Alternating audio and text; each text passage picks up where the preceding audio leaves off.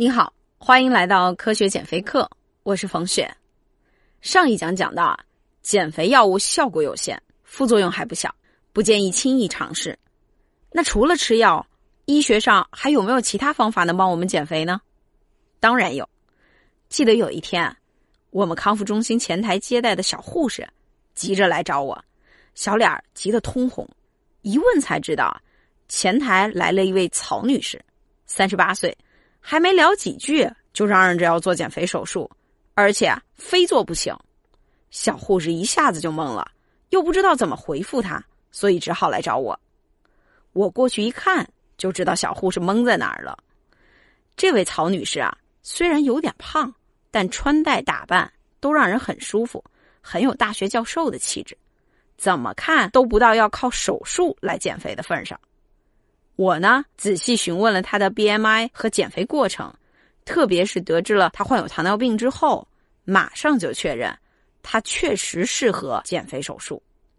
听到这里啊，你脑海里一定有一连串的问号：真的有减肥手术吗？为了减肥，真的要动刀子吗？这些问题啊，容我慢慢道来。提到减肥手术，可能很多人第一反应会想到抽脂术。或者叫吸指数，想想水箱模型，既然胖是水箱里的水多了，那直接把水抽走一些，不就减肥了吗？这就是抽脂术的逻辑。虽然听起来很美，但是我得告诉你啊，抽脂术几乎完全是为了局部塑形，是为了美丽而发明的。它既不能减肥，也不能让你收获健康，所以在医学上。抽脂术属于整形外科，也就是医疗美容的范畴。为什么它不能减肥呢？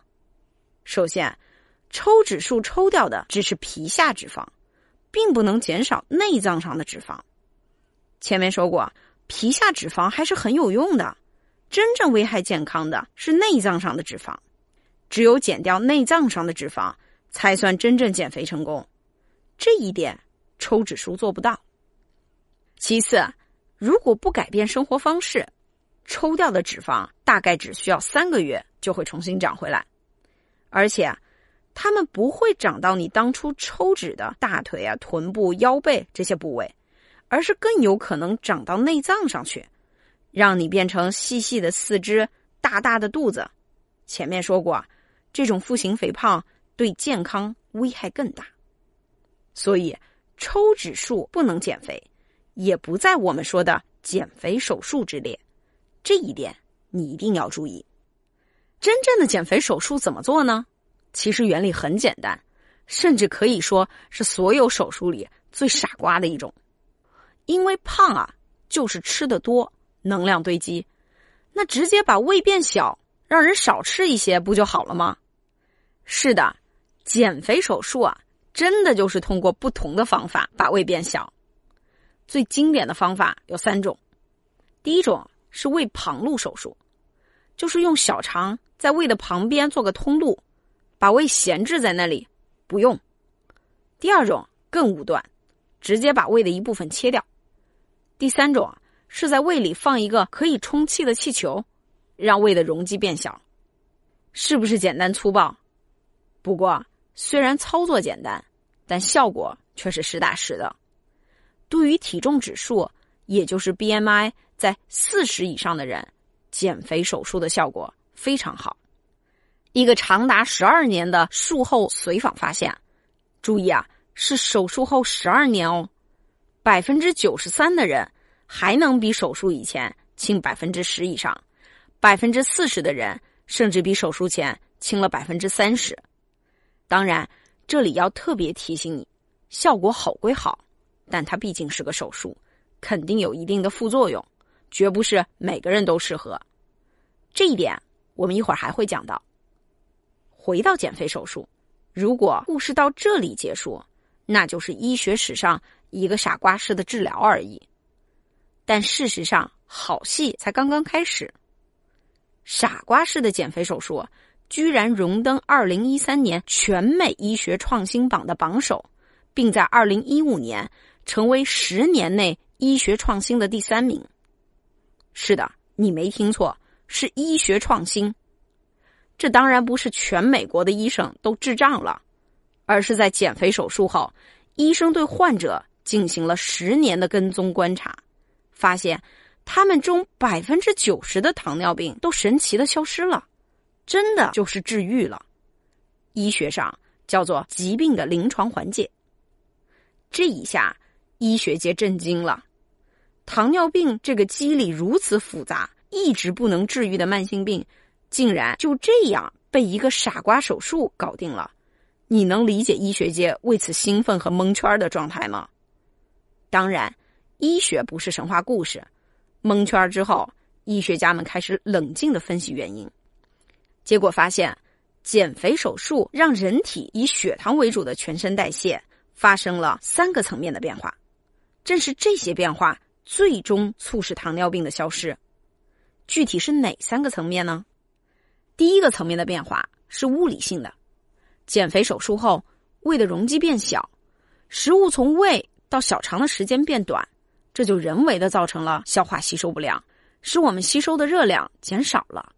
吸收减少就形成了能量缺口，慢慢的不仅人会瘦下来。血糖也会降低。第二个层面的变化是化学性的，减肥手术后，人体内的化学激素会发生一系列神奇的变化。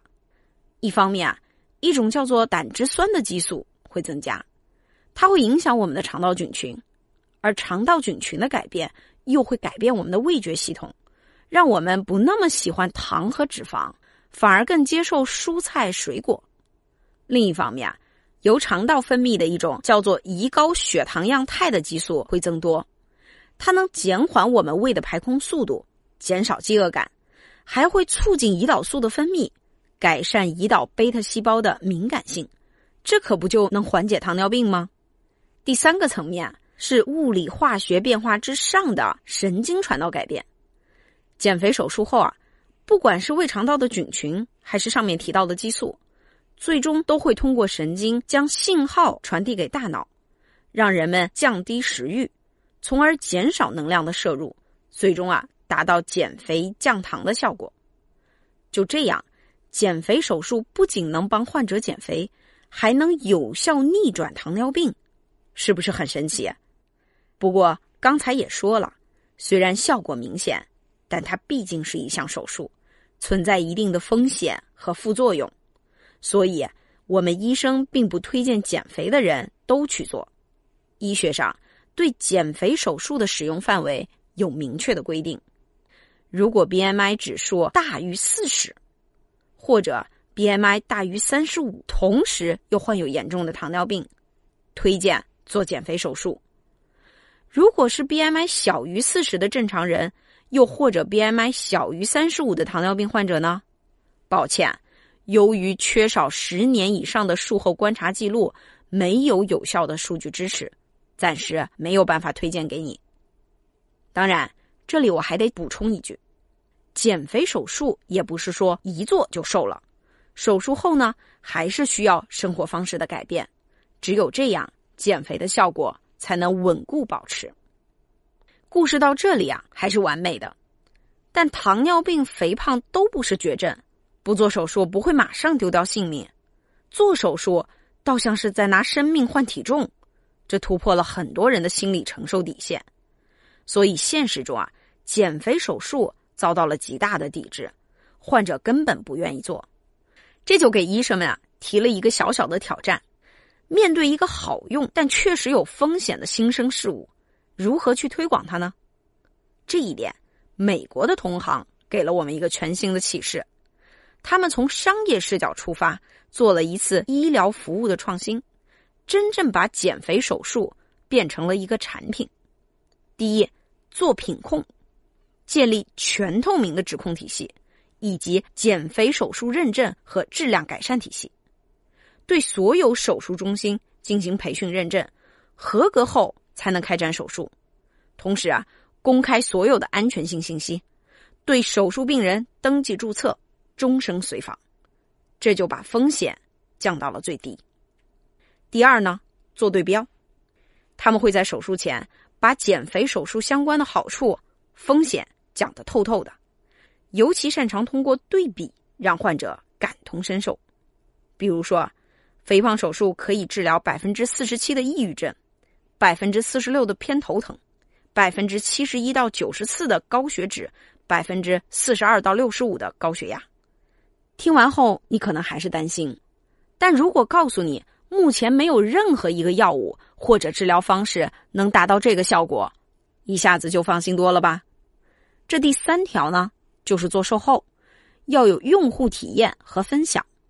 美国的减肥手术组织会专门成立患者俱乐部，让做过减肥手术的患者和没做过的在一起聊天，互相安慰，了解手术的感受和带来的改变，甚至是互相监督完成术后康复。这样一来，减肥手术的接受度就高多了。当然，我还是要再次提醒你一句：手术有风险，决定需谨慎。好了，关于减肥手术，请你记住冯医生的这几个小建议：第一，抽脂术不减肥，不建议尝试；第二，BMI 大于四十的人或者 BMI 大于三十五的糖尿病患者可以考虑手术减肥，其他的人不建议做。第三，减肥手术啊，也不是一做就瘦，它也必须搭配生活方式调整。听完这一讲。照例给你布置个任务，上网找一些减肥手术的真实案例看一看，真正了解它对人身体的改变。如果有疑问，也可以在留言区与我交流。减肥药物效果一般，手术虽然神奇，但适合的人不多。医学上还有没有更好用的减肥方法呢？答案是肯定的。我们下一讲见。